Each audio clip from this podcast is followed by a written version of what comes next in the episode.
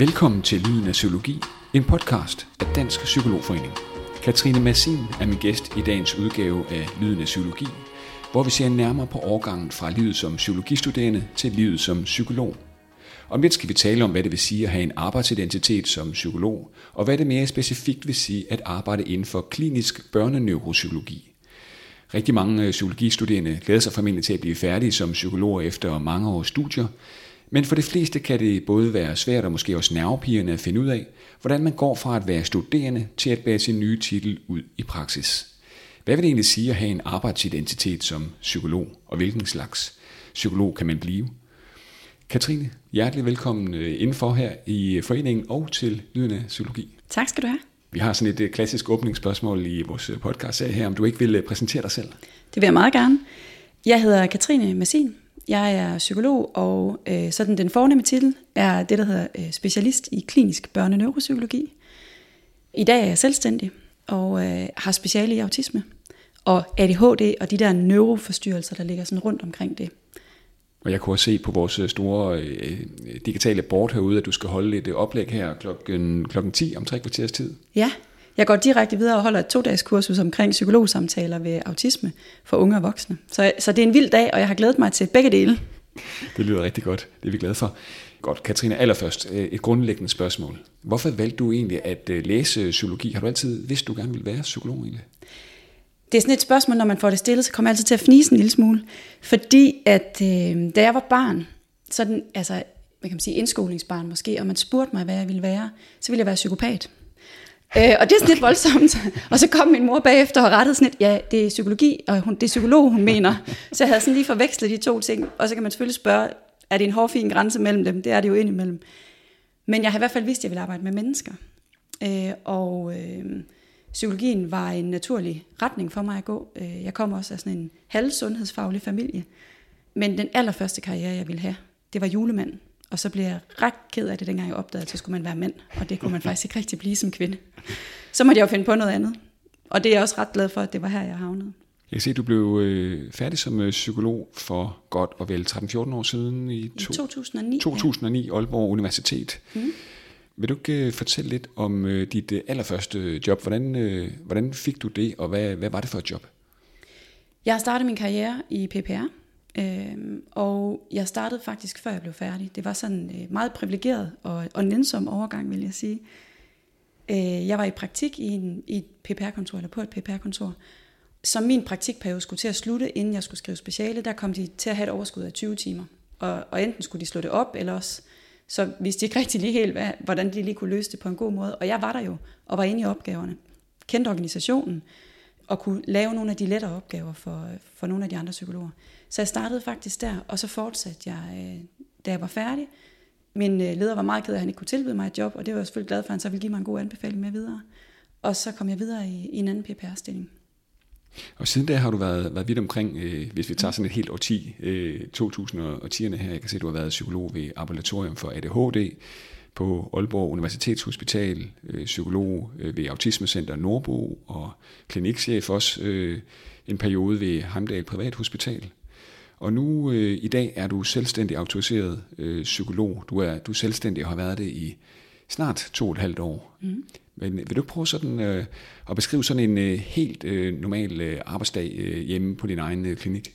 Jo, og den er lidt vild, fordi den består altså sjældent af det samme. Øh, jeg er sådan en, der har det bedst, hvis der sker forskellige ting. Og det har jeg haft et arbejdsliv, der har båret præg af, at øh, jeg har haft stillinger, hvor det ikke har været det samme, man skulle lave hver dag eller i løbet af dagen. Jeg engageres nemt og synes, at det er vildt spændende at lave alt muligt. Så en almindelig dag for mig består lidt som i dag i virkeligheden af at holde kurser. Jeg har mange supervisioner, både af psykologer, men også af tværfagligt personale. Og øh, så har jeg terapeutiske samtaler med mennesker med autisme og ADHD, og rådgivende samtaler med forældre eller pårørende.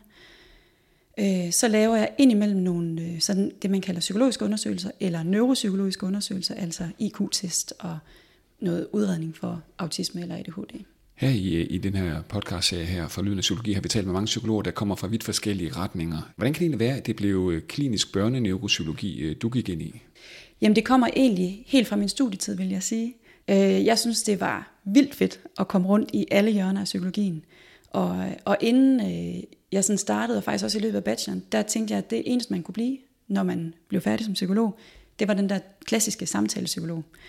Og det var simpelthen så godt at blive præsenteret for sådan et, altså, hvad kan man sige, en stor variation af psykologien, fordi det jeg opdagede, jeg synes, der var allermest spændende, det er de naturvidenskabelige dele af det, altså øh, neuropsykologien, øh, kombineret med den pædagogiske psykologi.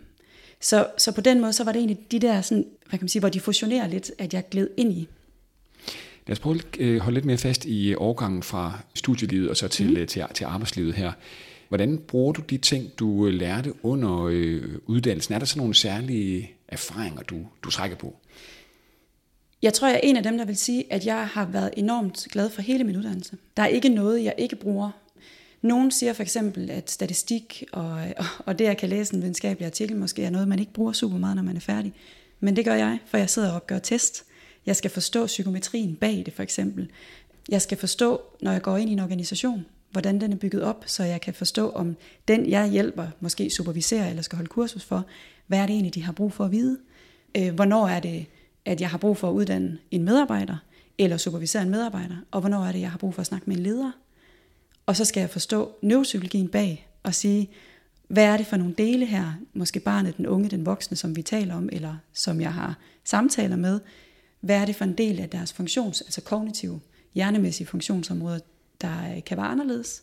Så, så det, det er en stor mangfoldighed af det hele, vil jeg sige, og, øh, og, og det er sjældent, jeg møder noget, hvor jeg sådan tænker, jamen hov, det får jeg aldrig brugt. Hvad var en af dine største overraskelser, da du gik fra universitetslivet øh, og så ud i arbejdslivet? Det var, at folk ikke forstod, hvad jeg sagde.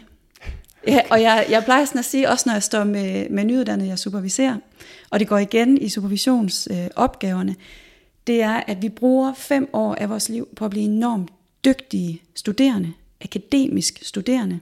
Vi bliver dygtige til at formulere os akademisk på skrift, øh, og bruge de rigtige begreber og de rigtige teoretikere. Og når vi så kommer ud, så mødes vi af helt almindelige mennesker, som ikke har læst fem år inden for det samme som os, og de forstår ikke, hvad vi siger. Og noget af det, der som var den, til min største fortrydelse, det var, at de der rapporter, jeg skrev, som jeg faktisk var ret stolt af, og hvor jeg tænkte, I nailed it. Det er så pivgodt det her. Altså sådan i al beskedenhed selvfølgelig. Men du ved, når man har brugt lang tid på at skrive noget, og tænkt, det er vigtigt, det jeg har formidlet her, at så bliver det lagt i skuffen. Fordi der var ikke, altså det der med omsætteligheden af det, at det er ikke en akademisk rapport, jeg skal lave. Jeg skal beskrive noget, jeg ser. Jeg skal beskrive nogle testresultater. Men der er jo ikke nogen andre end psykologer, der kan formå at teste testresultater, for de er ikke uddannet til det. Så det der med også at omsætte det, og det er sådan, nogle gange, når jeg snakker med yngre psykologer, øh, eller når jeg underviser og siger, hvis jeg skal sige det her med menneskeord, hvad er det så egentlig, jeg gerne vil formidle? Uden alle mine floskler og mine fine, fornemme akademiske ord. Selvfølgelig skal jeg jo koble dem også. Altså så, så dem, hvis jeg underviser nogen, eller hvis jeg taler med forældre, at de har hørt for eksempel, hvad er eksekutiv funktion, eller hvad betyder det her social-kognitive vanskeligheder. Men jeg skal altid oversætte det, og give eksempler fra hverdagen, som passer lige præcis til den målgruppe, jeg står i. Fordi der så kan de ikke omsætte det, og det, jeg har lavet, det bliver tabt. De går ud og gør det, de plejer at gøre. Er der nok fokus på øh, menneskesproget, for, for lige at bruge det, det ord på, på universiteterne, altså på, på det studie der, synes du, eller er det noget, man bør, bør have mere fokus på, øh, sådan så man også kan gøre sig forståelig ude på den anden side af universitetsmåneden? Jeg tror, det vil være lidt en kamp mod vindmøller, og, og begynde at sige, at vi kunne ønske os den del. Jeg tror, at jeg vil sammenligne det lidt som, når du tager kørekort. At der lærer du teorien, men så skal du ud og lære at køre i praksis. Så jeg tænker faktisk, at vi har som stand et stort ansvar for at hjælpe vores nyuddannede til, hvad det er, der er brug for, at de kan i praksis, når de kommer ud. Det kræver også, at man står med en nyuddannet, som er hvad kan man sige, villig eller ydmyg over for, at det, de kan, er super vigtigt og opdateret. Men det, vi har brug for i praksis, er tit en kombi af det, de kan, og det, vi kan som nogen, der er altså praktikere med flere års erfaring om, hvad er det, der virker så ude på gulvet. Så, så den der kombination, tænker jeg er enormt vigtig, at vi begge to går til bordet og bidrager med det, vi er bedst til. Katrine, nu har du godt øh, vel 14 års øh, praktisk øh, mm. erfaring. Er det noget, du tænker, du gerne ville have vidst, da du var psykologistuderende? Ja, der er egentlig to dele i det. Jeg tror, jeg gerne ville have vidst, at der, hvor man starter, er ikke nødvendigvis der, hvor man slutter. Jeg var selv lidt bekymret. Jeg havde nogle, altså, jeg vidste godt, hvor jeg ville hen af. Jeg vidste godt, jeg ville inden for, for altså, neuropsykologien og den, og den pædagogiske psykologi. Men jeg havde jo også medstuderende, som var vildt bange for at tage deres første job inden for noget, som ikke lige var det, de brændte for. Og der tror jeg, at der finder en anden ro, altså man, man finder en anden ro, når man kommer lidt længere hen, for at sige, uanset hvilket job du tager, så lærer du sindssygt meget der. Og så kommer der jo efter nogle år, hvor man skal tænke, okay, måske skal jeg skifte nu, hvis ikke jeg vil. Altså hvis det egentlig er noget andet, jeg gerne vil, for at man ikke bliver for specialiseret. Men det ville jeg ønske, jeg havde sådan som psykologstand, at, at vi på studiet havde vidst lidt mere om. Lad os lige øh, vende tilbage til det med, at du er selvstændig autoriseret psykolog i dag, mm. og, og har haft din egen øh, klinik i over, lidt over to år nu. Det her skifte fra at øh, være medarbejder et, et sted, nu var du senest ved kasse her, kan det passe, det var Heimdal Privathospital, ja. eller var det? Det var det. Til at være selvstændig autoriseret psykolog. Hvordan, hvordan er det egentlig at være, være selvstændig kontra at være medarbejder et givet sted? Nu kan man sige, at mit sidste skift er ikke så repræsentativt for mit arbejdsliv. Jeg har været i psykiatrien to gange, hvor, hvor min arbejdskalender er meget bestemt af nogen, øh, som styrer den. Og så alle de andre stillinger, jeg har haft inden for PPR, og da jeg var på Autisme Center Nordbo, det har været noget, hvor jeg har styret det fuldstændig selv.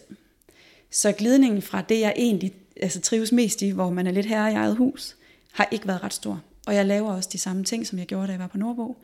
Selvfølgelig i en anden ramme, og det er mig selv, altså, der forhandler alle kontrakter og alt sådan noget. Men man kan sige på opgaveporteføljen, der er det ikke så meget anderledes. Øh, så, så jeg stod ret sikkert på mine ben i forhold til, hvad var det, jeg kunne udbyde, hvad var det, jeg skulle ud og lave. Og den største udfordring for mig var i virkeligheden at begrænse mig, og også finde ud af, hvad er det, jeg ikke behøver at lave, fordi det måske tager for meget energi i forhold til, hvad det giver. Hvad vil du sige til en psykologistuderende, der måske overvejer også at øh, arbejde inden for klinisk børneneuropsykologi? Har du nogle, øh, har du nogle gode råd? Jamen jeg tror, man, altså man skal jo tænke over, at det at vælge en specialistretning er jo først noget, der sker nogle år ude i fremtiden. De første par år bruger, bruger man på at autorisere sig, og derefter begynder man jo at finde ud af, så nogenlunde, hvor er det, jeg gerne vil havne henne.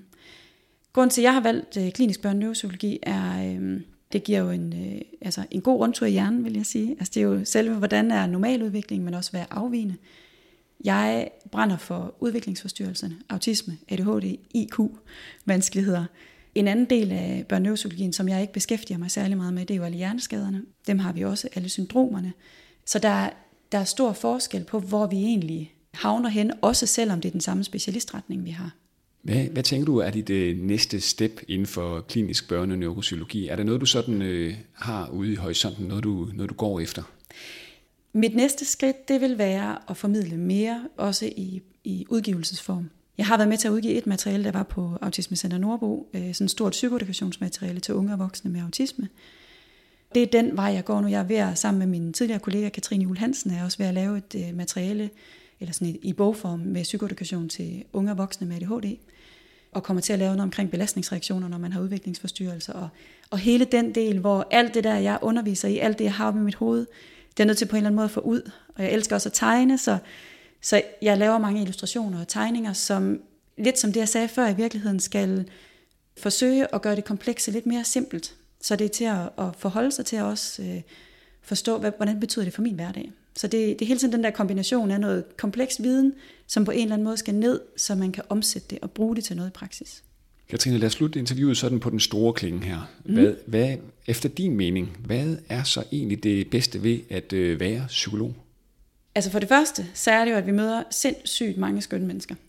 Det elsker jeg. Min øh, hovedinteresse det er altså at forsøge at forstå mennesker, hvad deres bevæggrund er, og, og også hjælpe dem, når bevæggrunden ikke altid stemmer overens med det, de gør. Og så tænker jeg faktisk, at den anden del af det, det er, at der er så mange muligheder. Vi stopper aldrig med at lære. Vi kan blive ved med at uddanne os. Vi kan blive ved med at finde nye retninger. Og det synes jeg er vildt fedt. Så lad os også prøve at vente den om. Er der noget ved, ved faget, hvor du, øh, som trækker i den anden retning? Noget, som er svært, ja, øh, udfordrende? Er det noget, du tænker på i den, øh, i den forbindelse? Det er jo altid udfordrende at skal lære ting, som er komplekse, og som man måske ikke helt formår at koble fra starten af. Jeg tænker, for mig og min specialistretning så noget af det mest sådan udfordrende, det har, det, og det er det fortsat, og det vil det være mange år endnu, men det er at forstå den kompleksitet, som ligger bag. Altså det der med, når vi, jeg har i hvert fald haft en tendens til, da jeg var nyuddannet, så tænkte jeg, jamen, jeg ved noget om det her. Øh, og så kan jeg udtale mig stålsikkert om det. Og så øh, kunne jeg sige, at det er sådan, det er. Og jo mere vi sådan er kommet op af karrierestigen, så bliver det tydeligt, at der er ret meget, vi ikke ved noget om. Og også at kunne være at jeg siger, at vi ved det her på nuværende tidspunkt. Og jeg vil faktisk også gerne sige, at den helt kedelige del, det er jo, at når man nu for eksempel er selvstændig, så skal man jo lave sindssygt mange kedelige ting også. Man skal for eksempel finde en revisor. Man skal have en hjemmeside op at stå. Altså, så, så der er jo fordel ved at være i et etableret øh, miljø, hvor man har kollegaer, som står for alt muligt, og man kan sætte nogen til alt muligt, altså, som man måske ikke selv lige er bedst til. Og så det at være selvstændig, hvor der er en til at løse det. Den dag min computer gik ned, lige inden jeg skulle holde kursus, og jeg var nervøs i forvejen, for det var et nyt kursus, hvor jeg bare kiggede mig rundt og tænkte, hvor filen er IT-afdelingen i det her foretagende? Og der var ligesom ikke andre end mig til at fikse det. Så, så det er jo afhængigt af, hvor man lige er i sit arbejdsliv. Det er lidt mere korte og direkte spørgsmål. Hvad er det værste ved at være, være psykolog? Jeg tror, øh, det værste det er, når man står i situationer, som man ikke er klædt på til at løse, men som nogen har sagt, at det er du. Det burde du være, og man som menneske kan se, det er jeg simpelthen ikke. Og det er jeg nødt til at stå fast ved at sige, den her opgave er ikke noget for mig. Jeg har brug for hjælp, og jeg kan desværre ikke fortsætte i den. Altså, for eksempel, da jeg mødte min første selvmordstruede patient, sad jeg i psykiatrien. Jeg var heldig, at der øh, var nogen, jeg kunne trække på, men indimellem så står vi jo i situationer, hvor, hvor man som nyuddannet for eksempel går ind og overtager en stilling, som en erfaren medarbejder har forladt, fordi vilkårene ikke var, øh, som de skulle være, og fordi selv den erfarne medarbejder formåede ikke at løse de opgaver inden for den ramme, der var. Og så kan man som nyuddannet jo godt komme og tænke, jeg er så glad, og jeg skal vise, hvad det er, jeg kan. Og når man så ikke formår at løse opgaven på en kvalificeret måde, så vender man det indad. Og tænker, så er det også mig, der ikke er dygtig nok, og jeg burde, og så lægger man flere timer i det, eller læser mere op i sin fritid, eller alt det her. Og så ender man faktisk med at blive syg af det. Og dem sidder jeg jo nogle gange med som, som supervisenter, og må hjælpe med også at sige, hov, det her er en ramme, som du har brug for at tale med din leder omkring, og her kan du ikke løse opgaven inden for det, de forventer. Så lad os prøve at snakke om, hvad skal der til, for du kan løse den her opgave. Hvis du nu skulle give et øh, godt råd til en nyuddannet øh, psykolog, hvad vil, øh, hvad vil det så være? Det at, at komme ud i psykologfaget, det er, at det kræver øvelse, det kræver supervision, ordentlige ansættelsesforhold, men det kræver i høj grad også, at man som ny psykolog tør lave nogle kedelige opgaver, øh, for at få nogle af de erfaringer og de øh, kompetencer, som man senere hen får brug for i arbejdslivet. Og så vil jeg også sige, glæd dig. Psykologi Psykologifaget er et af de mest spændende, der overhovedet findes, og du kan blive herinde for rigtig mange år, uden nogensinde at nå grænserne for faget. Så det er et godt valg, du har truffet. Fornøjelse at tale øh, med dig, og jeg ved også, at øh, du snart har det her oplæg nede på etagen under os nu her. Tak fordi jeg måtte være med. Det har været en fornøjelse. Flere episoder som øh, denne om overgangen fra livet som psykologistuderende til livet som psykolog ligger allerede nu klar under Lyden af Psykologi. Rigtig god fornøjelse, og tak for at have lyttet med.